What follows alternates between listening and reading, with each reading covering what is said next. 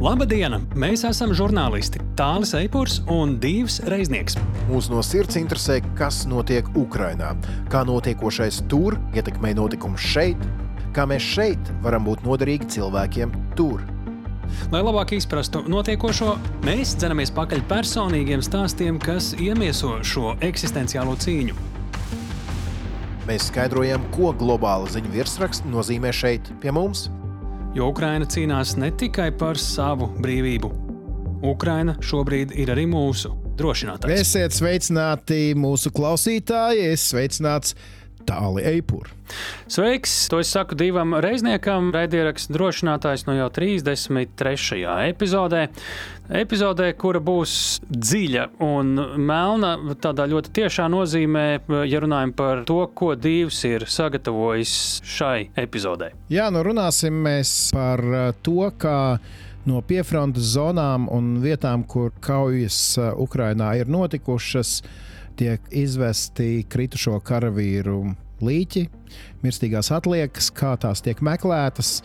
Runāsim ar cilvēku, kas to dara dien dienā. Nu jā, pirms mēs runāsim par šo tēmu plašāk, man būs vēl daži jautājumi tev. Pirms mēs pie tā ķeramies, protams, ka sarunāsimies ar Kristīnu Bērziņu Vašingtonā. Un šoreiz trīs temati, par kuriem runāsim plašāk, ir kāpēc Ukrainas prezidenta Zelenska nesenā Eiropas tūre ir eh, izrādījusies īpaši veiksmīga un kā tā var ļoti būtiski sekmēt eh, gaidāmo pretuzbrukumu. Nu, un otrs stāsts, par ko spriedīsim, būs par mūsu kaimiņu valsts Baltkrieviju, kāpēc Lukašenko iespējamās nāves gadījumā, kas nesen aktualizējās, bet nenotika, Baltkrievu opozīcijai diemžēl būtu jāpaļaujas gandrīz tikai uz saviem spēkiem, ja viņi gribētu kaut ko mainīt valstī. Tas vēl viens temats, un mēģināsim ir noskaidrot, kāpēc prezidenta vēlēšanas Turcijā var izrādīties pat ļoti svarīgas ne tikai Turcijai vai varbūt Ukrainai, bet arī visas Eiropas nākotnē ļoti izšķiroši. Nu tad klausāmies, es sveicinātu Kristīnu. Sveiki, Kristīna! Sveiki, sveiki! Pamatīgu Eiropas tūri ir veicis Ukrainas prezidents Valdimirs Zelenskis, redzam Itāliju sarakstā, Vatikānu. Tāpat Vācija, Francija, Lielbritānija saņemti daudzi gana konkrēti solījumi par atbalstu, bet eh, kāds tad izskatās tas sausais atlikums no šī brauciena, īpaši jau zinot, cik pakāpeniski vai lēni šis atbalsts no vārdiem bieži vien mēdz pāraukt darbos, un tas nenozīmē, ka te runa jau ir par kaut kādiem tālākiem soļiem, kas notiks jau varbūt pēc gaidītā pretuzbrukuma, uz ko vairāk šeit būtu uzmanība vēršama tavuprāt? Prezidentam Zelenskim ir bijis ļoti veiksmīgs ceļojums pa Eiropas valstīm. Ja prezidents Zelenskis ir sēņotājs un tagad ir kārtīgi nolīs, viņš ar groziņu ir pastaigājies pa galvaspilsētām un sameklējis ne tikai sviesta bekas un gailnes, bet arī baravikas. Un pa baravikām šodien e, jādomā par to, ka ir tā ir ieroču sistēmas, kuras varētu arī tālāk šaut, un ir runa arvien vairāk par lidmašīnām, par aizsardzību aizsardzību, par arī gaisa ofensīvi, kuru varētu uzbrukumu veikt. Un jautājums arī par to ir, vai Ukraina būtu nākotnē spējīga arī trāpīt Krimā, lai varētu ilgtermiņā censties atgūt Krimu. Līdz šim tas nav bijis iespējams, tāpēc ka ieroču sistēmas nav varējušas šaut pietiekami tālu. Tālūk, sarunās ar Franciju, piemēram, lielākie attālumi un ieroči, kuri var tālāk uh, sasniegt savus mērķus. Par to iet runa. Ir runa par lidmašīnām. Lielbritānija atbalsta arī šos tālākos ieročus. Par gaisa aizsardzības sistēmām Vācijā ir iztēja sistēmas, par tām mēs arī iepriekš esam runājuši. Ārkārtīgi spēcīgas gaisa aizsardzības sistēmas. Ņemot vērā, ka šajā nedēļā ir bijuši nopietni uzbrukumi no gaisa Kievā un ka gaisa aizsardzības sistēmas ir ārkārtīgi noslogotas, veiksmīgi pasargā Kievu, bet arī iztērē munīciju un ir jāatbalsta un jāpapildina tieši arī gaisa aizsardzību. Šīs lietas ir svarīgas. Tad tie ir jaunumi, tāpēc, ka nebūs runa tikai par to, kas notiek uz pašas frontes, bet kā atbalstīt fronti vai pretuzbrukumu no gaisa, kā varētu trāpīt, piemēram, Krimā, kas ir bijis pārāk kontroversiāls jautājums līdz šim. Tas viss tagad notiek prezidents Zelenskis var būt ārkārtīgi apmierināts. Arī kas ir svarīgi šeit, pirmkārt, Vācija jau ļoti tagad sola daudz lielāku palīdzību nekā jebkad iepriekš. Arī faktiski ir runa par tankiem, par munīcijām, visu pārējo.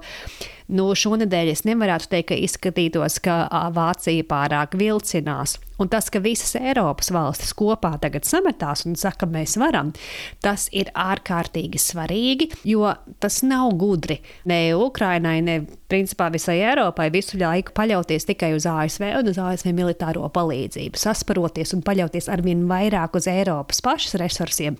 Tas ir ļoti no svara, un tad mēs redzam to, ka nu, ar lielāku enerģiju pieiet Eiropa šim jautājumam un atbalsta Zelenski. Tādā ziņā es teiktu, ka ir ļoti labi, ka ir šīs baravikas, nevis viesdabakas, ka varētu būt vairāk kaut kas, kas palīdzēs Ukrainai nevis tagad nākamēnes, piemēram, pretuzbrukumā, bet arī ilgtermiņā. Jo tāda ilūzija, ka karš beigsies, teiksim, augustā vai ka būs pretuzbrukums un viss, tāda reti kur pastāv. Drīzāk ir skaidrs, ka, pretuzbrukums sāksies, ka to būs patstāvīgi arī jāatbalsta. Un vajag ar ko. Risks tāds, ja pretuzbrukums notiek, izšauj visu, kas ir, un ko tālāk, tagad atkal būs pauze. Nu, tas nav Ukraiņas interesēs. Drīzāk vajag nodrošināt pretuzbrukuma tālāko veiksmi un spiedienu, lai varētu līdz galam atgūt Ukraiņas zemes. Un jo vairāk tagad var, teiksim, bikšu kabatā iebāzt to, kas vēl nāks no rietumiem, kas nāks no Eiropas valstīm, jo būs lielāks spars uzņemties lielāku pretuzbrukumu ar saprašanu un domu, ka nav tikai tas, kas līdz šim ir ievākts, bet ka būs arī vairāk. Un tas dos motivāciju, ambīcijas var paaugstināt un iedvesmot un palīdzēt Ukrainai ļoti veiksmīgi uzsākt savu pretuzbrukumu. Kad mēs varētu redzēt tos rezultātus? Šis ir stāsts jau kādu labu brīdi pēc pretuzbrukuma, vai tas izskatās pēc pietiekami ātra atbalsta. Runa šobrīd nav par ilgtermiņa atbalstu. Ukrainai ir saprašana par to, ka nepieciešamība ir tagad un arī tuvākā laikā. Bet, protams, par to, ka tas nebūs rīt un tas nebūs nedēļas jautājums. Tur ir noteikti runa vismaz par mēnešiem. Attiecībā uz pretuzbrukumu runa arī ir nu, vismaz par mēnešiem. Tas pirmkārt nav sācies, un otrkārt, kurš var pateikt, kad tas beigsies. Un tāpēc man liekas, par to laika jautājumu varbūt nav tik ļoti jāsatraucās. Tikmēr Tepat starp Ukrajinu un Latviju pamatīgi jautājoši skatieni tika vērsti Aleksandra Lukašenko, Baltkrievijas diktatora veselības virzienā. Pēc 9. maija svinībām Maskavā ilgas dienas par viņu nekas nebija zināms. Parādījās jautājumi par to, cik vesels viņš ir, vai viņš vispār vēl ir, kas notiktu ar Baltkrieviju tajā brīdī, ja Lukašenko vairs nav. Un tad viņš parādījās pēc ilgas klusēšanas, vārgā balsī, apsaitētu roku, kusls, iespējams uzkrāsotu seju, līdz ar to ir īpaši aktuāli. Kas notiek tālāk ar Baltkrieviju un vai tā vienā brīdī nevar pēkšņi izrādīties Krieviju. Jā, parādījušies ļoti nopietni un svarīgi jautājumi par to, kas notiktu tālāk Baltkrievijā, ja Lukašenko nomirtu, kas nāktu viņa vietā. No vienas puses, optimistiskākais ceļš, ka tas pēkšņi varētu iedot opozīcijai ceļu ar pazīstamiem cilvēkiem, kaut kā radīt lielāku ietekmi Baltkrievijā un varbūt veicināt reālus pārmaiņas valstī, kura ir iesaldēta gan pagātnē, gan eh, Krievijas sfērā. Bet tas ir stipri optimistiski. Lielāka satraukuma ir par to, kā Kremlis uz šo jautājumu skatās un kurš tagad jau ir izvēlēts kā Lukašenko pēcnācējs, kurš atbild uz Kremļa zvaniem un dara to, ko Kremlis lūdz. Protams, tāda persona jau noteikti ir izvēlēta, bet trešais jautājums ir par to, kā uz to visu reaģē Baltkrievijas tauta un vai tas būs no svara. Jo, ja Baltkrievija būtu pavisam neatkarīga valsts, tad uh, iespējamās varas maiņas varētu radīt iespēju demokrātiskākiem viļņiem un vējiem iepūst Minskā. Bet tā kā Baltkrievija ir de facto okupēta valsts ar Krievijas militāro klātbūtni, vai tādi vēji varētu iepūst Minskā, ir ļoti grūti teikt. Protams, tas nebūtu Kremļa interesēs. Arī plašāk tieši attiecībā uz karu Ukrainā tas būtu īpaši liels sitiens Kremlim. Kā to izspēlēs, tad būs mums vienkārši jādzīvo un jāskatās. Jo, protams, šobrīd vēl Lukašenko ir dzīves, un mēs vēl gaidām pretuzbrukumu Ukrainā. Kas notiktu, ja pretuzbrukums būtu īpaši veiksmīgs. Kas notiktu, ja Baltkrievijā tauta iedvesmotos no notiekošā Ukrainā un tajā brīdī nomirtu Likašenko un būtu variants, ka kaut kā varētu iegrozīt Baltkrieviju atkal neatkarīgākās sliedēs. Vai tikpat vai Krievija tik dzelžaini sagrābtu Baltkrieviju ar domu, ka Ukrainā nav viegli, ka tas patiešām nebūtu iespējams. Scenāriji ir dažādi. Tas attiecās arī uz Latvijas drošību, un tāpēc būs ļoti jāskatās, kas un kā. Tāpēc, ka varas vainas un iespējams nestabila situācija Baltkrievijā varētu būt kaut kas, par ko būtu jāuztraucās, jāpievērš uzmanību, jāskatās, kas notiek tieši uz Latvijas robežām. Cik rietumiem būtu jābūt proaktīviem tādā brīdī, ja Lukašenko vairs nav Baltkrievijā, un vai tam jau nebūtu sen jābūt gataviem, vai vismaz vēlākais jāsāk gatavoties šobrīd, pamanot šādas izmaiņas? Rietumiem, tāpat kā mēs redzam, ka ir atšķirības starp NATO valstīm un, un nenābato valstīm, tad šobrīd arī ir atšķirības starp Ukrainu un Baltkrieviju. Ja Baltkrievi paši kaut ko varētu paveikt, tas būtu vienreizēji, un varbūt pēc tam varētu būt atbalsts kaut kāds bet rietumiem nav šobrīd apetīte pārāk iedziļināties Baltkrievijā, jo ir pārāk daudz cits, par ko būtu jāuztraucās. Tādēļ šobrīd es teiktu, ka Baltkrievijas liktenis ir Baltkrievijas rokās. Tikmēr Turcijā ir sākušās, bet tā arī nav beigušās vēlēšanas. Parlamenta valsts prezidenta vēlēšanas pirmajā kārtā gandrīz par prezidentu kļuva Reģeps Taips Erdogans, līdzšinējais līderis. Viņam tur pietrūka procentu daļas, nu un 45% balsu savāca Kemals Kiličdaroglu opozīcijas vienotais kandidāts, nu un tagad 28. maijā abi tad sacentīsies otrajā kārtā. Analītiķi, eksperti saka, nu, laikam jau Erdogans kļūs par Turcijas prezidentu vēlreiz. Ko tas nozīmē attiecībā uz gaidāmo NATO samitu, Zviedrijas uzņemšanu, ko tas nozīmē attiecībā uz atbalstu Ukrainai un sadarbošanos ar Krieviju. Nu, ja prezidents Erdogans noturētos prezidenta krēslā, tad nekas īpaši nemainītos Turcijas politikā. Lai gan ir visu laiku bijusi cerība, ka Zviedrija arī ar Erdogana prezidenta krēslā tiktu NATO, ir tikai izdevīgi pirms vēlēšanu laikā parādīt savu varu starptautiskās attiecībās, un tāpēc šobrīd bremzē Zviedrijas jautājumu ja prezidentūra ir atkal Erdogana rokās, tad nebūtu īpaši liela problēma pieņemt Zviedriju, tāpēc ka kārts jau plus mīnus izspēlēta, atkal varētu vairāk sadarboties. Bet arī nav garantija, ka Erdogans tiktu atkal prezidenta krēslā, jo popularitāte īpaši lielās pilsētās ir zema un ir tiešām sīva cīņa starp opozīciju un prezidentu Erdoganu. Jautājums šeit ir par Turcijas nākotni un Turcijas virzienu. Vai Turcija turpina būt trešā valsts, NATO valsts, bet sadarbojās ar Krieviju enerģijas jautājumos, ekonomikas jautājumos? Turcija, kura neusticās sabiedrotajiem, Erdogans, kurš neusticās vienmēr sabiedrotajiem, kurš spēlē savu unikālo turku nacionālo lomu, vai Turcija tomēr vēlās atkal atgriezties rietumu virzienā, un par to iet runa opozīcijas pusē par iespēju atsākt Eiropas Savienības dalības sarunas. Sarunas jau ir gadu desmitiem ilgušas, ja atgrieztos iespēja tiešām veikt nopietnas sarunas starp Eiropas Savienību un Turciju, tad Turcijai ir pavisam cits virziens. Tad ekonomiskais atbalsts, ekonomiskā integrācija ir nevis ar Krieviju, bet ar, ar Eiropu, un tad arī viss izskatās pavisam atšķirīgi.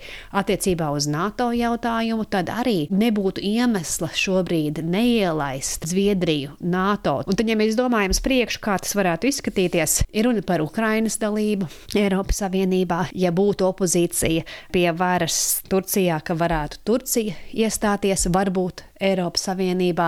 Un tad parādās ļoti dziļi filozofiski jautājumi par to, kas ir Eiropas Savienība un kā tā attīstās un izaug, un kur ir tās robežas, un paliek atkal ļoti dinamiska, sarežģīta, bet arī interesanta politiskā vide. Tāpēc, jā, protams, Ukraiņas jautājumiem Turcija ir ārkārtīgi svarīga. Turcijas jautājums attiecībā uz Krieviju bet šajās vēlēšanās nozīmīgs arī ir Turcijas tālākais ceļš Eiropā un savā ziņā arī Eiropas Savienības tālākais liktenis un, un attīstība. Lielas paldies tev, Kristīne, par ekspertīzi. Lielas paldies jums un līdz nākamajai nedēļai. Līdz nākamajai nedēļai.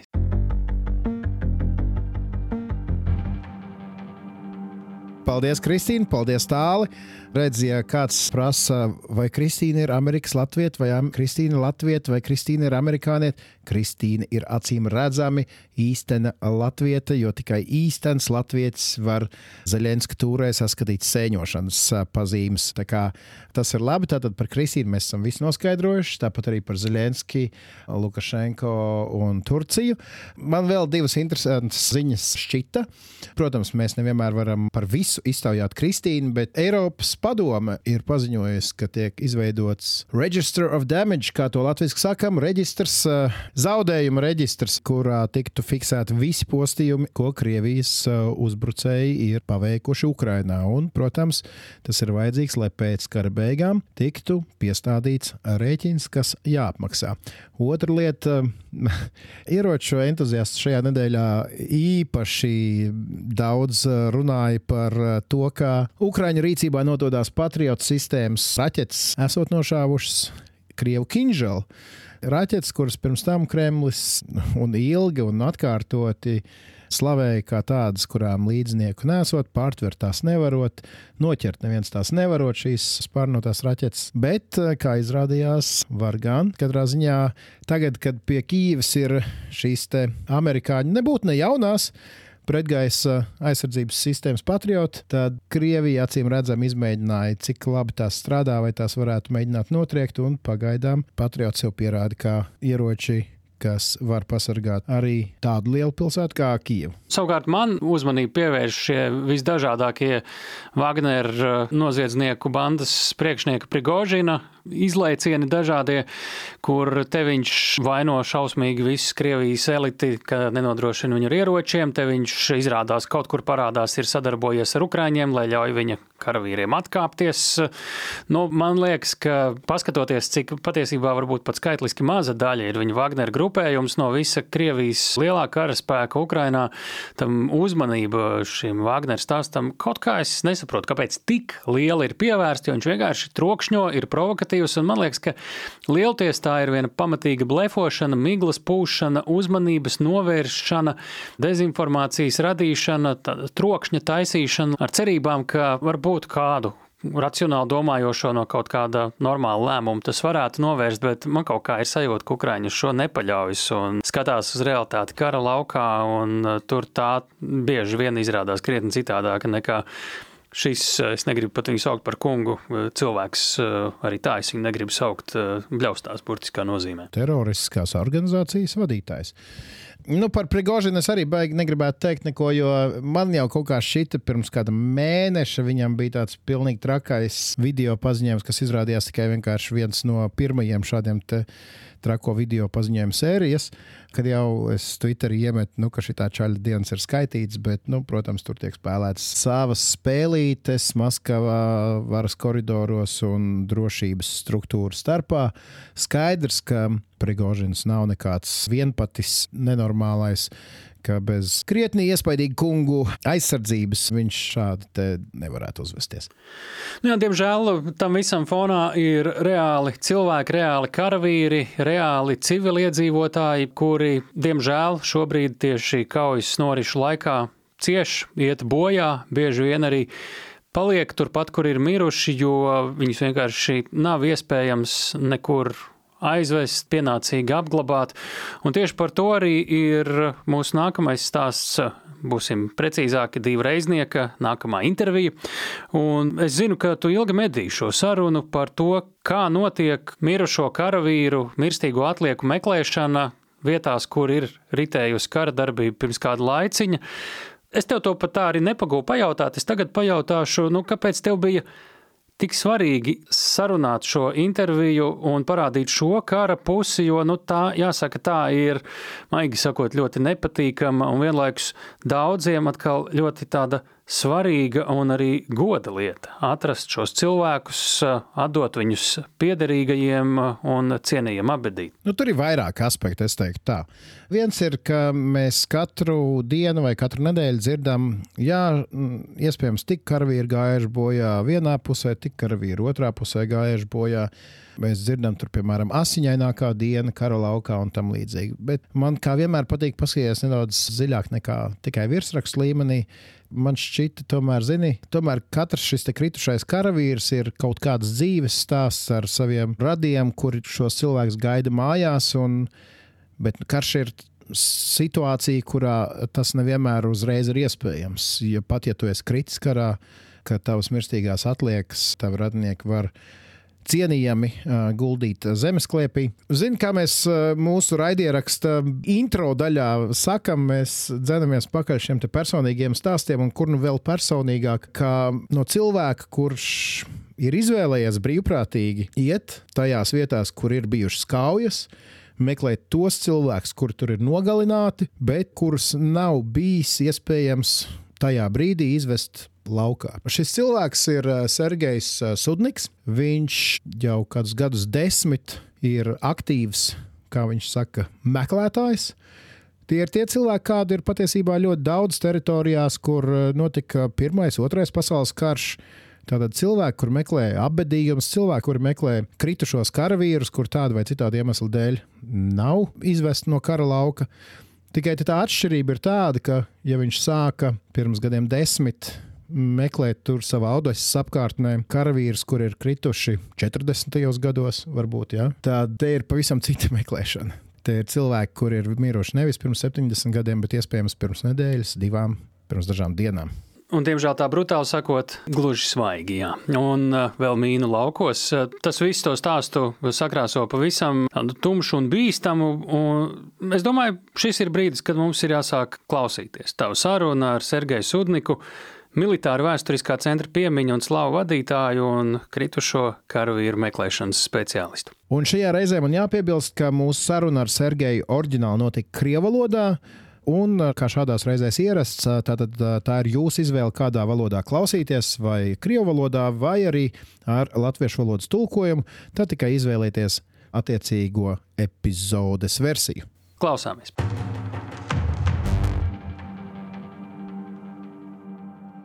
Здравствуйте, Сергей. Labdien, Sergei! Здравствуйте! Расскажите нам кратко, pastāstiet, lūdzu, kas esat un kādu organizāciju pārstāvjat. Zovut меня Сергей, я являюсь участником. Mans vārds ir Sergejs. Esmu Ukraiņas bruņoto spēku humānā projekta uz vairoga dalībnieks. Mēs pārstāvam šī projekta sabiedrisko spārnu. Tas ir, es šobrīd esmu sabiedriskās organizācijas militāri vēsturiskais centrs piemiņa un slava vadītājs. Mēs meklējam kritušos karavīrus kauju vietās, deokupētajās teritorijās. Vienmēr sakot, nodarbojamies ar mirušo meklēšanu un evakuāciju. В общем, занимаемся поиском и эвакуацией тел погибших. Как много таких организаций, cik daudz šādu organizāciju ir Ukrajinā, un uh, kā vispār izveidot šī meklēšanas sistēma? Uh, cik saprotu, viss pamatos ir nevalstiskās organizācijas. Система построена следующим образом. При генеральном штабе... Sistēma ir strukturēta šādi. Ukrainas bruņoto spēku ģenerālštābā ir civilās un militārās sadarbības departaments. Viens no jautājumiem, ko tas risina, ir kritušo karavīru mirstīgo atlieku meklēšana un evakuācija no bijušajām kaujas zonām deokupētajās teritorijās, lai atgrieztu tās radiniekiem. Šobrīd ir izveidotas loģistikas ķēdes, kurās piedalās sabiedriskās organizācijas ar pieredzi šādā meklēšanā. Выстроены такие логистические цепочки, в которых участвуют общественные организации. Да, ja runājam konkrēti par militāru vēsturisko centru piemiņu un slāva, mēs nodarbojamies ar otrā pasaules kara mirušo karavīru meklēšanu, un mums ir skaidrs, gan kā meklēt, gan skaidrs ir procedūras, kas jāievēro. Mums ir šī specifiskā pieredze, tāpēc pagājušā gada aprīlī ģenerālštaba civilās un militārās sadarbības departaments uzaicināja mūs piedalīties šajā projektā. Tobrīd šo projektu vēl sauc Evakuācija 200, un tas ar mirušo karavīru meklēšanu nodarbojās jau kopš kara darbības sākuma Donbasā, kad Ukraina tur sāka antiteroristisko operāciju. 14-15 gadi. Tas ir 2014. un 2015 gads. Да, да, да, все верно. Jā, tieši tā. Kopš kara darbības sākuma Donbasā 14. gadā ģenerālštāba ietvaros sāka veidot departamentu, kura pāraudzībā nonāca jautājumi par kritušo karavīru meklēšanu, mirstīgo atlieku evakuāciju un to atgriešanu radiniekiem. Pirmkārt, jau ar to nodarbojās bruņotie spēki, taču bija arī nevalstiskās organizācijas, kas sākumā uz brīvprātības principiem piedalījās šajā meklēšanā, izmantojot lielo pieredzi, kas iegūta meklējot Otrajā pasaules karā kritušos. Они проводили поисковые работы на территории Донецкой и Луганских областей. Šis darbs notika Donetskas un Luhanskas reģionos, kas ir daudz mazāks mērogs nekā sākot ar pagājušo gadu. Tāpēc arī tas, cik daudz cilvēku vajadzīgs, lai spētu paveikt šādu apjomu darbu, ir nesalīdzināmi. Tāpēc, kad 24. februārī sākās pilna mēroga iebrukums, ģenerālštāps mūs uzaicināja pievienoties šim projektam. Mēs, kā cilvēki, kuriem kritušo meklēšana ir daļa no dzīves, protams, piekritām. Мы, как поисковики, которые, э, собственно, живут поиском, мы, конечно, согласились и при- Bijušajā PSRS teritorijā ir milzīgs daudzums kritušo karavīru meklēšanas organizācijas, tā skaitā Ukrainā. Taču, ja runājam par tām, kas ir aktīvas šī kara ietvaros, tad tādu patiesībā nemaz nav tik daudz. их на самом деле не так много. Почему? Kāpēc? Ну, наверное, мы имеем некую специфику. Это работа уже э, не с костным материалом. если Nu, можно iespējams, te vainojama pašreizējā darba specifika. Tas vairs nav darbs ar seniem kauliem, ja tā var teikt. Šobrīd tas ir darbs ar bioloģiju, kā mēs sakām, proti ar ķermeņiem, kas sadalās, un tas notiek teritorijās, kas ir mīnu piesārņotas. Šī darba specifika neļāva piesaistīt vairāk organizāciju, taču piebildīšu, ka ar civilās un militārās sadarbības departamentu bijām pazīstami jau pirms pilna mēroga iebrukuma, un viņi zina gan mūsu brīvprātīgos, gan mūsu paveiktos darbus. Tāpēc arī, kā saprotu, tikam piesaistīti viņu projektam. И поэтому, как я понимаю, мы были приглашены к участию в этом проекте. Сейчас э, формируется новая практика. Tagad uzsākta jauna praksa. Kopā ar ģenerālštāba meklēšanas grupām nu strādā ne tikai sabiedriskās organizācijas, bet arī tie zināmie meklēšanas entuziasti, kuri dienē teritoriālās aizsardzības vienībās. Ja runājam piemēram par Odesu un Odesas reģionu, tad mums ir izveidojies unikāls modelis, ka bruņoto spēku sastāvā tika izveidota īpaša mirušo karavīru meklēšanas vienība no tiem mobilizētajiem meklēšanas entuziastiem, kuri vēlējās iesaistīties šajā darbā. Rezultātā mums ir izveidojusies komanda, kurā kopā strādā šī jaunizveidotā vienība - mūsu sabiedriskā organizācija, armijas aeroizlūki un citi speciālisti. Un tā nu mēs visi tagad šo darbu veicam kopā. Участвуем вместе, все вместе в поиске. Вот. Если говорить, kādas unikālas prasmes ir jums, entuziastiem, kas karavīru mirstīgās atliekas meklējuši jau sen, ar ko konkrēti jūs esat interesanti Ukraiņas bruņotajiem spēkiem? Работа с останками, скелетированными или не скелетированными, как сейчас, да, свежая биология, она требует э, определенных процедур. Darbs ar cilvēku paliekām, skeletiem, ar ko saskārāmies agrāk, vai nu mirušajiem cilvēkiem, ar ko strādājam šobrīd, prasa noteiktas procedūras. Tas ir, mēs zinām meklēšanas procedūras, kā rīkoties ar specifisku aparatūru, zinām meklēšanas darbu, geogrāfisko specifiku. Ir milzum daudz nianšu. Respektīvi, cilvēkus, kuri nav psiholoģiski sagatavoti, kuriem nav bijusi iepriekšējā meklēšanas pieredze šajā darbā, iesaistīt ir grūti. Arī mēs, protams, kara darbības gaitā ar vienu gūstam jaunas prasmes, pielietojam jaunas meklēšanas metodes un tam līdzīgi.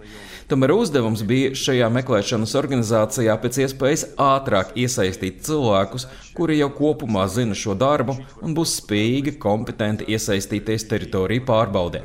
Šajā ziņā ir ļoti svarīgi, lai cilvēki būtu sagatavoti. Это, это очень важно в этом смысле, иметь людей подготовленных. Почему название? Kāpēc šim bruņoto spēku un nevalstisko organizāciju īstenotajam kritušo karavīru meklēšanas projektam ir eh, dots šāds nosaukums - uz vairoga? Это отсылка к античной культуре еще. Ukrainas bruņotie spēki nolēma atsaukties uz seno kultūru. Var teikt, ka tā ir tāda kā projekta zīmola maiņa. Kāpēc? Tāpēc, ka viņi nolēma atteikties no padomju terminoloģijas, kad mirušos karavīrus sauca par krāva 200. Tā vietā izvēlēta atsauce uz karavīriem senatnē, kura mirst ar slavu un atgriežas uz vairoga. Tātad ar vairogu tas būtu ar uzvaru, vai uz vairoga tas ir miruši, bet ar slavu. Tātad kopš pagājušā gada projekts ir pārdēvēts, un tā ir atsauce uz to, kā mums jāizturās pret kritušajiem karavīriem. Погибшим воинам. Nu, ладно, перейдем к сегодняшнему дню. Labi, pāriesim pie šodienas. Kādi ir eh, jūsu darba rezultāti? Vai var saskaitīt vispār, cik daudz kritušo karavīru esat atraduši? Понятно, что пока идут боевые действия, мы не спешим говорить какие-то цифры статистики. Ir skaidrs, ka kamēr notiek kara darbība, mēs nesteidzamies runāt par jau kādu statistiku, kvantitatīvajiem vai kvalitātes rādītājiem. Tas tāpēc, ka ir karš, cīņas joprojām notiek. Negribam dot augsni spekulācijām par šo tēmu. Tagad ir diezgan viegli interpretēt mūsu vārdus nevajadzīgā virzienā un pārvērst tos nezin kā. Lai gan tam, ko darām, būtu jābūt cik vien iespējams ārpus politikas, jo kritušos karavīrus ar cieņu jāatgriež mājās un jāizvairās no jebkādām spekulācijām. Избегать каких-либо там спекуляций и Ja понимаю такое время, es saprotu, tāds uh, ir šis laiks. Jebkāda informācija, jebkurš var interpretēt kā vien vēlas. Bet um, nu tad pajautāšu šādi: vai darba ir gana? Да, безусловно, безусловно. Наши поисковики Jā, nenoliedzami varu teikt, ka meklētājiem no mūsu organizācijas piemiņa un slava viņi bijuši visos frontes virzienos - Nikolājevas, Helsonas, Harkivas, Doņetskas reģionos, bijām arī Kīvas reģionā pēc tā atbrīvošanas. Neesam strādājuši tikai Zaporižģas virzienā. Protams, ka esošā kara intensitāte paģer upurus, tā kā, protams, darba netrūkst. Конечно, интенсивность боевых действий предполагает э, и э, потери. В связи с этим, конечно, работы хватает. При каких обстоятельствах? Kādos apstākļos uh, mirušo karavīru ķermeņi kaujas laukā paliek visbiežāk? Даже спустя год сложно иногда сказать, где проходит линия боевого соприкосновения. Pat gadu vēlāk nereti ir grūti pateikt, kur konkrēti atrodas frontes līnija. Protams, ir tā saucamā pelēkā zona, kuru nekontrolē neviena no pusēm. Ir teritorijas, kurās kontrole pāriet no vienas puses pie otras un atpakaļ. Šīs ir manevru karš. Tas ir karš, kurā karaspēka mobilitātei ir izšķiroša nozīme. Pieņemsim, Krievijas federācija iegājusi kādā teritorijā, bet pretinieku raidītās artērijas uguns blīvuma dēļ nevar noturēt šo teritoriju. Šajā laikā tā, protams, zaudējusi tur karavīrus, bet dzīvajiem jāatkāpjas, un viņiem nav laika savākt mirušos. Vai, piemēram, Harkivas reģions, kad tas tika atbrīvots, Krievijas karaspēks atkāpās diezgan deorganizētā veidā, un spriežot pēc visa redzētā, savākt mirušos viņiem nebija laika. Un šādos gadījumos strādā mirušo meklētāji, atrod mirstīgās atliekas. Э, В таких случаях, да, работают поисковики и н- находят. Э, То же самое касается у- украинской стороны, в первую очередь, это когда Tas pats attiecās arī uz Ukrainas pusi. Pirmkārt, šādi gadījumi parasti ir atkāpšanās, vai tieši otrādi - strauju uzbrukumu operāciju laikā, kurās piedalās mobilās grupas. Tad kritušie karavīri mēdz palikt kaujas laukā. Visa informācija par šādiem gadījumiem tiek apkopota, kur kādā reģionā kritis karavīrs, un pēc tam arī notiek meklēšanas darbi. Tā skaitā tiek intervēti notikumu atsliecinieki, vietējie iedzīvotāji un tam līdzīgi. Galvenais ir saprast, ka šis ir karš, kas balstīts uz dažādiem manevriem, ātri izpildāmiem taktiskiem lēmumiem. Bieži rotē jāieņem kvadrāts, kas tobrīd ir palicis tukšs, un, protams, šādā situācijā ir mirušie, kurus nevar pagūt izvest ārā, nenoliedzami. Jāsaprot, ka šis ir arī artērijas karš, kurā lādiņi var tikt raidīti no desmitiem kilometru lielu attālumu, un mobilā kaujinieku grupa, kas iekļūst šādā apšaudē, vienkārši fiziski nevar nodarboties ar mirušo evakuāciju. Tas praktiski nav iespējams. Tajā brīdī pirmkārt jāglāb ievainotie. Tāda ir tā bilde. важно раненых спасти в первую очередь. Так что такая картина. Как принимается решение? Kā tiek pieņemts lēmums par to, Kur doties, kur meklēt kritušos?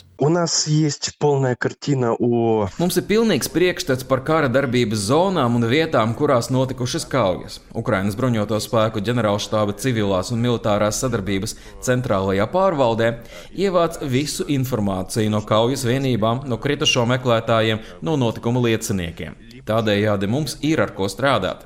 Dažreiz zinām precīzu vietu, dažreiz zinām dažu hektāru lielu platību, kur notikusi kauja, un pēc liecinieku teiktā būtu jābūt kritušie.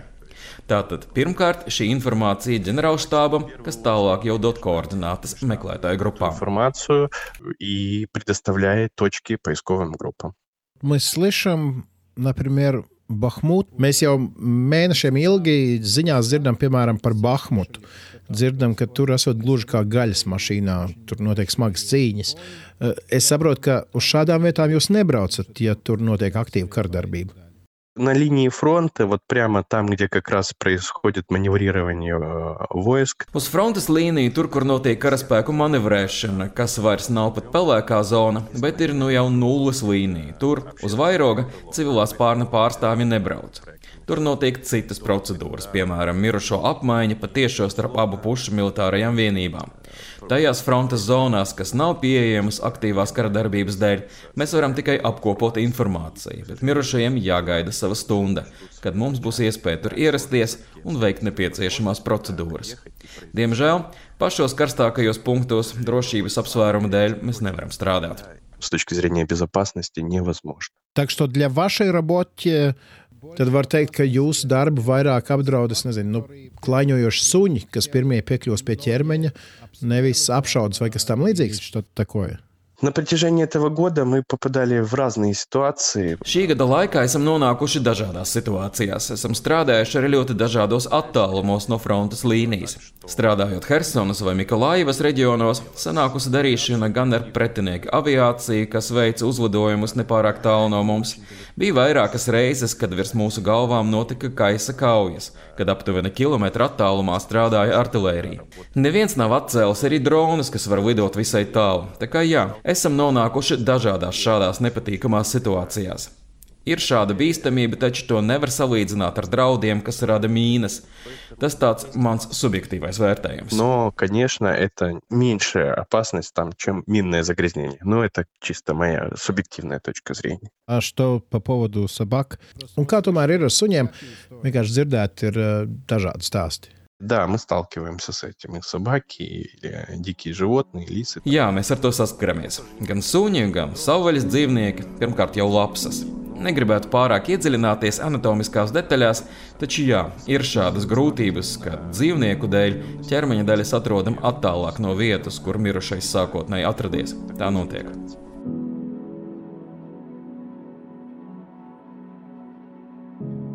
Я понимаю, что для того, чтобы делать свою работу, es saprotu, ka, lai darītu savu darbu, jums jābūt uztrenētai acī.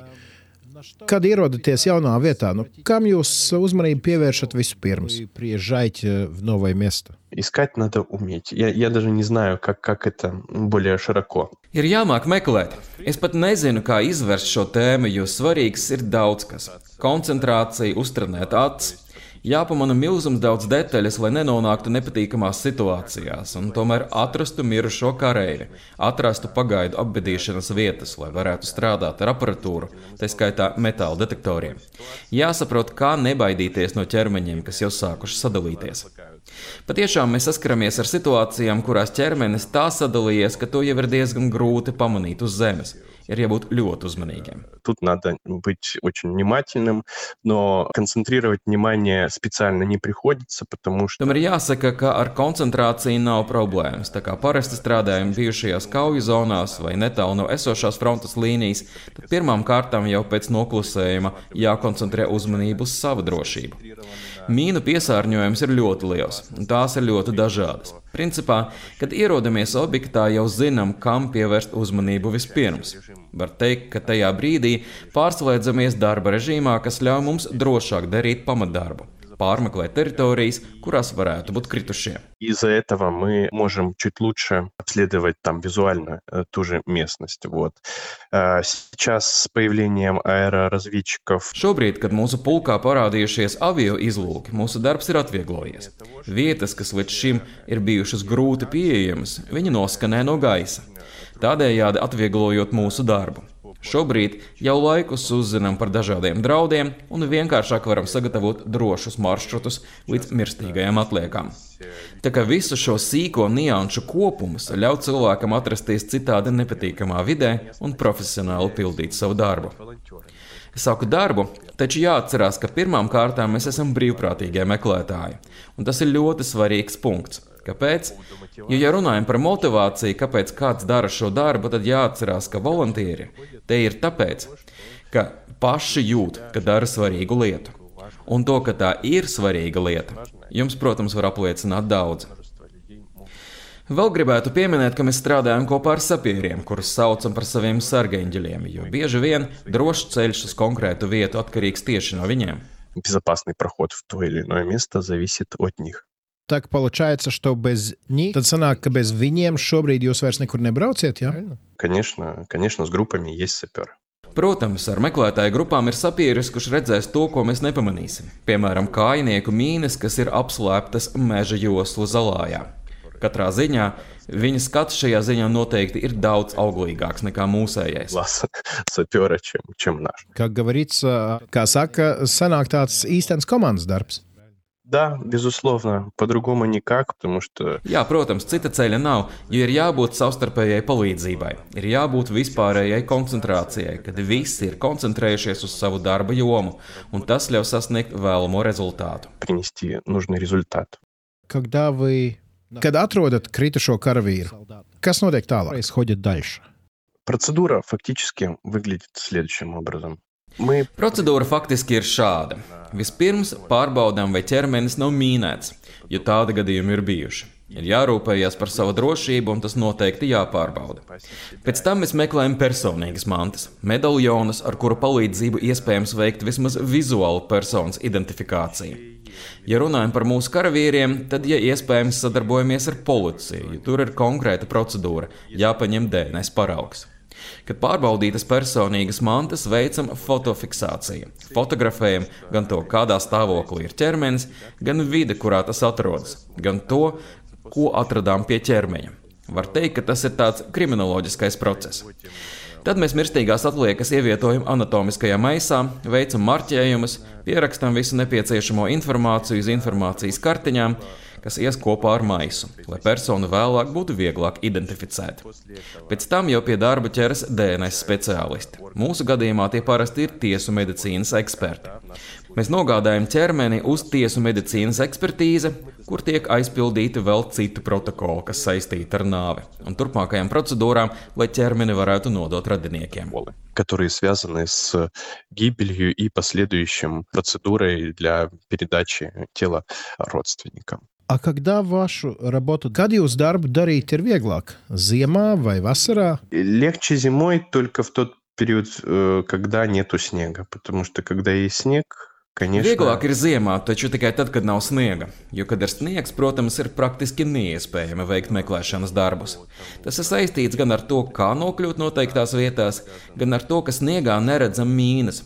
Tāpat arī ar to, ka mierīgi varam nepamanīt, piemēram, vietas, kur izrakta pagaidu kapa vieta. местности нарушенный грунт, там, где присыпан м, военнослужащий, мы м- можем просто не увидеть. Видели ли вы доказательства, vai esat redzējuši pierādījumus par spīdzināšanu pirms nāves? У наших поисковиков в Харьковской области было найдено там захоронение э, украинских воинов э, с Mūsu meklētāji Harkivas apgabalā atrada ukrāņu karavīru apbedījumu, kurā cilvēku rokas bija sasietas ar skoču. Un ļoti izskatījās pēc tā, ka pret kara gustekņiem tikušas veiktas pretiesiskas darbības. Bet atkal jau, saprotiet, es esmu par to, lai visi šādi gadījumi agrāk vai vēlāk tiktu novesti līdz galam, un visi šie gadījumi tiktu pierādīti un tiktu sasniegts kāds taisnīgums. Juridiski šis process jau sākās brīdī, kad ķermeņi tiek atrasti. Izmeklētājs strādā kopš tā brīža Un ne tikai saistībā ar DNS analīzēm, bet saistībā ar kriminālu lietu pēc nāves faktu kā И это tādu. вопросы не только процедуры там забора ДНК, да, но это и м, процедуры, связанные с э, уголовным производством по факту гибели. Как identi... Kā kritušie tiek identificēti? По-разному. Э, В первую очередь это э, жетоны. Dažādos veidos. Pirmkārt, tas ir žetons, kas, lai arī citi parauga, bet ir arī krievu karavīriem. Tomēr gadās visādi. Ir situācijas, kad to nav arī ukraiņu karavīriem, taču parasti pie visiem ir kāda dokumenti, ja vien tos nav paņēmuši cīņu biedri vai kāds ļaundaris. Jā, protams, ir cilvēki, kuri uzskata, ka šādiem dokumentiem nebūtu jābūt līdzi, bet mēs tādus tomēr atrodam. Protams, būtu lieliski, ja katram karavīram būtu žetons, ja šāds jautājums nedrīkst palikt novārtā. Все-таки имел этот жетон, поскольку нельзя таким вопросом э, пренебрегать. Как происходит общение с людьми? Kā jūs kontaktējaties ar cilvēkiem, kuri meklē savus radiniekus? Droši vien šādas saskarsmes arī ir. Я скажу так. Вся информация концентрируется в генеральном штабе. Es teikšu tā, visa informācija ir koncentrēta ģenerālštābā. Šajā jautājumā radinieki pirmkārt kontaktējas ar valsts pārstāvjiem, bet uzzinot, ka iesaistītas arī nevalstiskās organizācijas, viņi, protams, raksta arī mums. Mēs pēc iespējas apstrādājam šo informācию un nododam turpat, apvienotajā informācijas centrā. Jo šajā ķēdē katram vajadzētu darīt savu lietu. Вот э, своим телом. И как э, с российской стороны? Там нет э, семей, которые... Un kā ir ar Krievijas pusi? Vai nav ģimenes, kas jūs atrod, iespējams, zina kareivu pēdējo atrašanās vietu, kad tas vēl bija dzīves, un saka, ka nu, viņam tur vajadzētu būt? Там, где-то там должно быть. Нет, на нас, на, на, на нас не выходит. На нас не выходит. Nē, viņi ar mums nekontaktē. Vismaz man nav tādas informācijas, bet patiesībā domāju, ka viņi arī saprot, ka tas nebūtu līdz galam pareizi. Ja reiz ir starpvalstu mirušo apmaiņas process, tad, protams, ir jēgpilnāk pirmkārt vērsties pie valsts iestādēm. То, конечно, есть смысл в первую очередь обращаться к э, органам государственной власти. Если вот э, вы знаете, что там... Ja jūs zinat, ka kādā vietā ir kritušie karavīri, jums droši vien prioritāte ir Ukrāņu karavīri, bet ja tur ir Krievu karavīri, kāda ir jūsu, kāda ir jūsu īstenotā procedūra? Tāda pat kā ar Ukrāņiem? Мы относимся к этому делу профессионально, да, не эмоционально. Mēs pret šo darbu izturamies profesionāli, nevis emocionāli. Mēs darām savu darbu, kad dodamies uz meklēšanas vietām, nezinām, ko atradīsim - krievu karavīrus vai mūsējos. Procedūras visiem ir vienādas, jo galvenais mērķis ir identificēt personu. Ja atrodam krievu karavīru, zinām, ka varēsim iemainīt to pret mūsu karavīra mirstīgajām atliekām, un tas ir galvenais Tāpēc procedūras visiem ir vienādas. Vienīgā atšķirība ir tā, ka krievu karavīriem priekšā vēl repatriācija, taču jau mirušiem. Там погибшие военнослужащие РФ, они там проходят вот эту вот репатриацию, ну, уже в качестве погибших. В tečenie года мы много слышим. Gada laikā mēs no Krievijas bieži esam dzirdējuši saukli savējos nepametam. Eh, Jūs esat redzējis situāciju savām acīm vietās, kur notikušas cīņas. Vai varat apstiprināt, ka Krievi savējos nepamet? Женя, что русские своих не бросают. Э, Я все равно, исходя из того, каким делом я занимаюсь, я пытаюсь занимать в этом плане взвешенную позицию. Да, Pamatojoties uz to, ko daru, es šajā ziņā cenšos ieņemt līdzsvarotu nostāju. Skaidrs, ka savējos nepametam ir sava veida propagandas sauklis. Taču būtība ir citur, neapspriedīsim propagandu. Patiesā aina ir tāda, ka ņemot vērā kauju mērogu, vienā vai otrā frontes posmā nenākas runāt par to, ka savējos nepametam. Kad saskaramies ar reālo situāciju, tūkstošu kilometru garā frontes zonā, pelēkajās un piefrontes teritorijās, savējos nepametam nav reāla bilde. там серых зон, прифронтовых территорий, то говорить, что там своих не бросаем, ну, это нереальная картина. Ā, Как долго еще, cik ilgi Ukrainā nāksies meklēt kritušos karavīrus, pavšих солдат? Это то же самое, что э, там у аналитиков спрашивается, когда же закончится война. Tas ir tāpat kā analītiķiem prasīt, kad beigsies karš. Šie ir divi savstarpēji saistīti jautājumi, jo ilgāk turpināsies karš, jo lielāki būs zaudējumi, un ilgāk turpināsies meklēšanas darbi. Pazudušo personu sarakstiem nevajadzētu pastāvēt. Kamēr netiks atrasti visi, meklēšanas darbs Вот, turpināsies. вот пока там не будут закрыты все строки, поисковая работа будет продолжаться. Как это финансируется? Kā tiek finansēts viss šis process? Мы изначально работали как общественная организация, которая умеет привлекать ресурсы. Jau no paša sākuma mēs strādājam kā sabiedriskā organizācija, kas māk piesaistīt resursus. Un, kad mūsu kopīgam darbam uzaicināja bruņoties spēki, tad šo jautājumu uz brīdi apspriedām. Tomēr galu galā sapratām, ka nevalstiskā organizācija nevar īsti atrasties armijas bilancē. Tas nav ne labi, ne slikti, tā tas vienkārši ir. Tā kā mēs turpinām paļauties uz mūsu uzticamo aizmuguri, ziedotājiem, gan cilvēkiem, gan citām organizācijām, kas spēj mūs atbalstīt, piemēram, ar pārtiku, formas tērpiem, specifisku ekipējumu, sākot no respiratoriem un skafandriem, beidzot ar militārām salvetēm. Ir daudz mazu vajadzību, kas pie liela darba apjoma pārvēršas pa lielām vajadzībām. Очень много вот таких вот маленьких потребностей, которые фактически с большими объемами работы превращаются в далеко не маленькие. Arī transportu mums nodrošinājuši brīvprātīgie. Militāru personām, protams, ir savs transports, taču arī volontieriem jābrauc, un šos auto ir jāuzpilda ar degvielu. Tā nu mēs ar pūļa finansējumu vai mērķa dotāciju lūgumiem meklējam finansējumu arī tam. Dažreiz pērkam degvielu par naudu, kas mums saziedota. Tātad, ja skatās uz mūsu finansēm, tad mums ar to jātiek galā pašiem. Un tas, paldies Dievam, pagaidām izdodas. Un, ja jau par šo runājam, gribētu vērsties pie nevienaldzīgiem cilvēkiem. Arī jūs varat atbalstīt mūsu meklēšanas darbu, un tas mums būtu ļoti svarīgi Вы, вы тоже можете поддержать нас как э, поисковиков, и это будет э, очень важно для нас. Я перед нашим разговором uh, говорил тоже pirms mūsu sarunas, runāju arī ar jūsu kolēģi vienā Latvijas meklēšanas organizācijā. Viņi teica, ka arī plāno doties jums palīgā, ехать в Украину, помогать вам. Но... Легенда, да, если я не ошибаюсь? Да. No, ka, jā, viņi braukšot, kad Ukraina uzvarēs. Viņi teica, ka šobrīd jums noderētu metāla detektori. Да, да, безусловно, безусловно, потому что приходится работать в разных условиях и Jā, pilnīgi noteikti. Jo jāstrādā dažādos apstākļos. Skaidrs, ka visu ceļu sapiera pēdas neiesi, taču mīnas nereti ir visai viltīgi paslēptas, un без metāla detektora tās vienkārši nevar pamanīt. Поговорим немножко про вас лично. Parunāsim mazliet par jums personīgi. Kad jūs aizrāva šī vēsturiskās meklēšanas lieta? В центр я пришел в 2009 году, я тогда был еще студентом. Uz militāru vēsturisko centru piemiņu un slāvu atnācu 2009. gadā. Tajā laikā es vēl biju Odesas Miečņikova Nacionālās universitātes students. Pēc izglītības esmu politologs.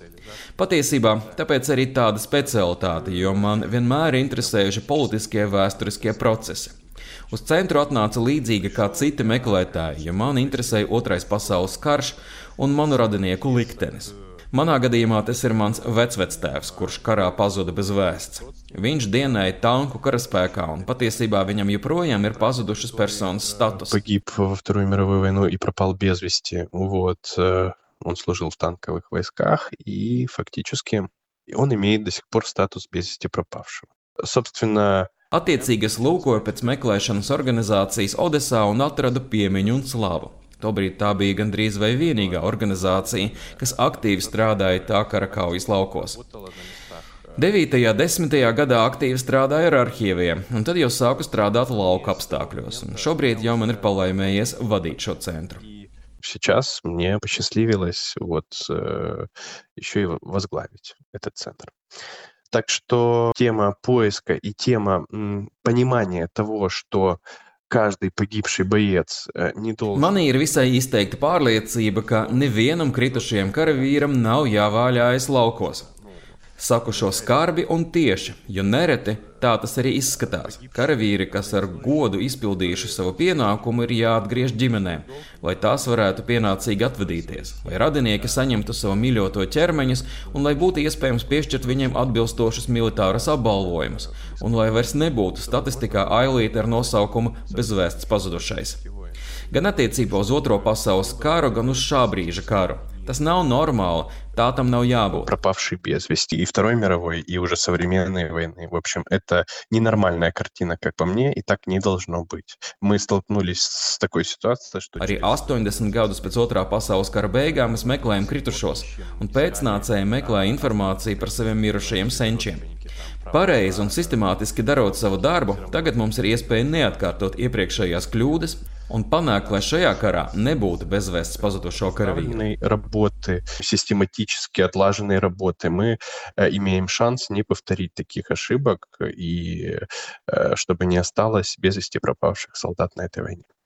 Мы уже в начале разговора говорили про то, что Jau sarunas sākumā mēs runājām par to, ka ne visi, kuri bija iesaistīti meklēšanā pirms kara, dara to arī šobrīd. Kāpēc jūs nolēmāt turpināt? Продолжать делать то дело, что вы делаете. Люди, которые приходят в поиск, это некое призвание, да, они туда приходят для чего-то. Cilvēkiem, kuri pievienojas meklēšanas kustībai, viņiem parasti tas ir aicinājums. Viņi tur ierodas ar kādu konkrētu mērķi. Vai nu lai atrastu visus bezvēsts pazudušos, atgrieztu tos radiniekiem, es teiktu, ka tā ir misija. Un tam, kurš šo misiju veids agrāk, tā būtu jāveic arī šobrīd. И сейчас. К этой работе нужно при... pie šī darba ir jāpierod, vai pierašana ir tieši bīstamākais šajā darbā? Этой работе. Понятное дело, перед тем, как э, мы э, начали работать в полный рост, так сказать, Protams, pirms mēs sākam strādāt ar pilnu jaudu, ja tā var teikt, bija ļoti svarīgi pareizi noskaņoties šim darbam. Pirmajā reizē, kad devos jau laukā uz pirmo meklēšanas vietu, man izdevās to izdarīt ar pareizu attieksmi. Tad arī sapratu, ka ļoti palīdzies smadzenēs ir tāds kā slēdzītes, ar kuru var ieslēgt darba režīmu. это помогает. Просто ведешь себя как-то совершенно иначе и To ieslēdzot, tu vienkārši sāc uzvesties kaut kā pavisam citādi. Tu nenokoncentrējies uz to, kas strādā grūtā, nepatīkamā situācijā, arī vizuāli. Tomēr pieredums ir, protams, es teiktu, diemžēl, jo pierašana šajā darbā nav tas labākais. это э, не очень хорошо к такому привыкать, безусловно. Но легче. Taču tā ir vieglāk. А Потом э, сталкиваться с какими-то ситуациями, Un tev которые jau liekas, ka nekas vairs tevi nevar pārsteigt. Sākumā gan pārsteidza, bet tad tas pārsteigums pazuda, vai arī saskaramies ar tīri bioloģiski nepārāk patīkamām lietām. Taču pārsteiguma vairs nebija. Ar galvu saprotu, ka tas nav īpaši labi, jo esmu pieradis pie šādiem skatiem. Tomēr no otras puses, tas ļauj turpināt strādāt tālāk un nenovērst uzmanību ar šāda veida pārdzīvojumiem. да, В мозгу понимаю, наверное, не очень хорошо, что к этому привык. Но с другой стороны, это позволяет дальше работать и не отвлекаться на э, такого плана переживания. Что самое, kas ir pēdējais, kas jūs Divila? Не удивило, а, ну, нельзя сказать удивило. Самый яркий опыт это, конечно, Nedrīkst teikt pārsteidza, taču pati spilgtākā, protams, bija pirmā reize, kad devāmies meklēšanas misijai jau šī kara kontekstā. Tas bija Mikulājevas reģionā. Krievijas spēki no turienes vēl nebija izsisti. Frontes līnija bija visai netālu. Strādājām ar masu kapavietu, tas bija vasarā. Pats saprotiet, dziļa bedre, nepanesams 40 grādu karstums, un šajos apstākļos nepieciešams kompetenti īstenot ekshumācijas procedūras. Mirušo to bija visai daudz. Jau iepriekš teicu, ka esam atraduši līdz desmit cilvēkiem vienā vietā.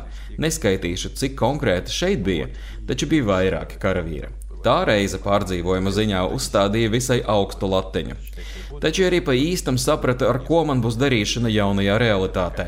Un tas uz mani atstāja spēcīgu iespaidu, kas pēc tam ļāva pārslēgties uz pareizo vilni, ja tā с varētu чем я teikt. столкнулся, и это для меня оказало там наиболее сильный эффект, который позволил потом перестроиться и настроиться на нужную волну, если можно так сказать.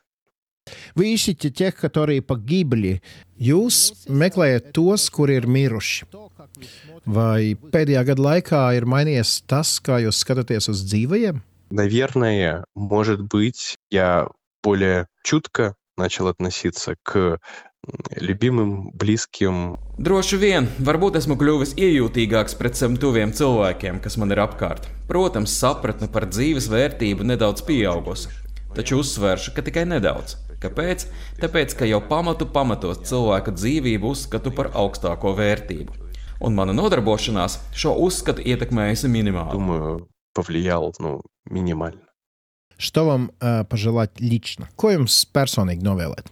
Пожелайте, чтобы эта война закончилась. Nu, vēl, lai šis karš beigtos pēc iespējas ātrāk, un lai nevienai ģimenei nepienāktu paziņojums, ka viņa mīļotais cilvēks ir pazudis без вести пропал где-то, ну, в неизвестном районе, грубо говоря. Вот, наверное, так. Коткота. Большое спасибо, Сергей. Лилс Палдес, Сергей. Спасибо вам большое. Спасибо. Лилс Палдес, Юмс. Палдес. Paldies Dīvam, paldies Sergejam Sudnikam, militāri vēsturiskā centra piemiņu un slāva vadītājam. Viņš Ukrainā kopā ar citiem brīvprātīgajiem vai speciālistiem meklē kritušo karavīru mirstīgās atliekas, lai pēc tam jau tās atrastu pienācīgu, cilvēku cienīgu tālāku ceļu. Divu pēcvārds šai sarunai. Jā, es savukārt gribēju pateikt paldies Ritai Steinai, kur ir Latvijas organizācijas, proti, kritušo karavīru meklēšanas vienības leģenda pārstāve. Viņa bija tā, ar kuras palīdzību man izdevās uziet Sergeju. Ja jūs domājat, ka tas darbs, ko Sergejs šobrīd ar biedriem tur dara, ir tā vērts, lai to atbalstītu, noteikti varat uzmeklēt šo biedrību Facebook vai arī Rītu Steinu var Facebookā. Viņu citu starpā arī vāc naudu droniem, kas tiek nogādāti tieši Ukraiņas kaujas vienībām kara vajadzībām. Un es vēl tikai gribēju pieminēt, ka LSMLV drīz varēs lasīt šo pašu interviju arī rakstiskā formātā, un tur kā ierasts tā tiks papildināta ar uh, gana daudz fotografijām. Varēsiet redzēt tās vietas, tos notikumus, ko Sergejs aprakstīja. Tā kā jā, ja jums uh, šī saruna um, kaut kā aizķērās prātā un šķiet, ka varētu to gribēt dzirdēt arī kāds cits, uh, padalieties ar mūsu raidieraksta epizodi, sūtiet linkus vai ja komentējiet sociālajos tīklos, lietojot hashtag drošinātājs. Un, protams, arī rakstiet mums, iesakiet jūs savus tematus. Mēs šīs vēstules ņemam vērā, lai īstenot jūsu vēlmes. Rakstiet drošinātājs ēt Latvijas radio LV. Nu jā, un es varu arī mēģināt iemest āķi tālāk mūsu nākamās epizodes tematā, jo tad mēs pievērsīsim uzmanību Ukraiņu ievainotajiem karavīriem, smagi ievainotajiem karavīriem, kuri ir nonākuši ārstēties, rehabilitēties šeit, Latvijā. Un tad jūs sapratīsiet, ko tas vispār nozīmē būt ievainotam, smagi ievainotam karā un cik garš ceļš ir ārā no tā visa. Runāsim gan ar vienu no ukraiņu karavīriem, uzzināsim, kas tad viņam bija par ievainojumu, un arī ar cilvēkiem, kas viņam palīdz šeit Latvijā ar rehabilitologiem. Tas būs nākamās epizodes stāsts. Tur arī atklāsies kaut kas tāds, es pat teiktu, liktenīgs tieši konkrētā karavīra stāstā un viņa saistībā ar Latviju. Sagadīšanās vai ne, to jūs tad nākamajā epizodē varēsiet paši spriest. Tālāk es nevaru vairs sagaidīt jaunāko epizodi. Bet beigās mums ir, kā vienmēr, jāpasaka pats svarīgākais, kas tad ir mūsu podkāstu vadmotīvs. Drošinātājs tas ir skaidri un personīgi par karu Ukrajinā.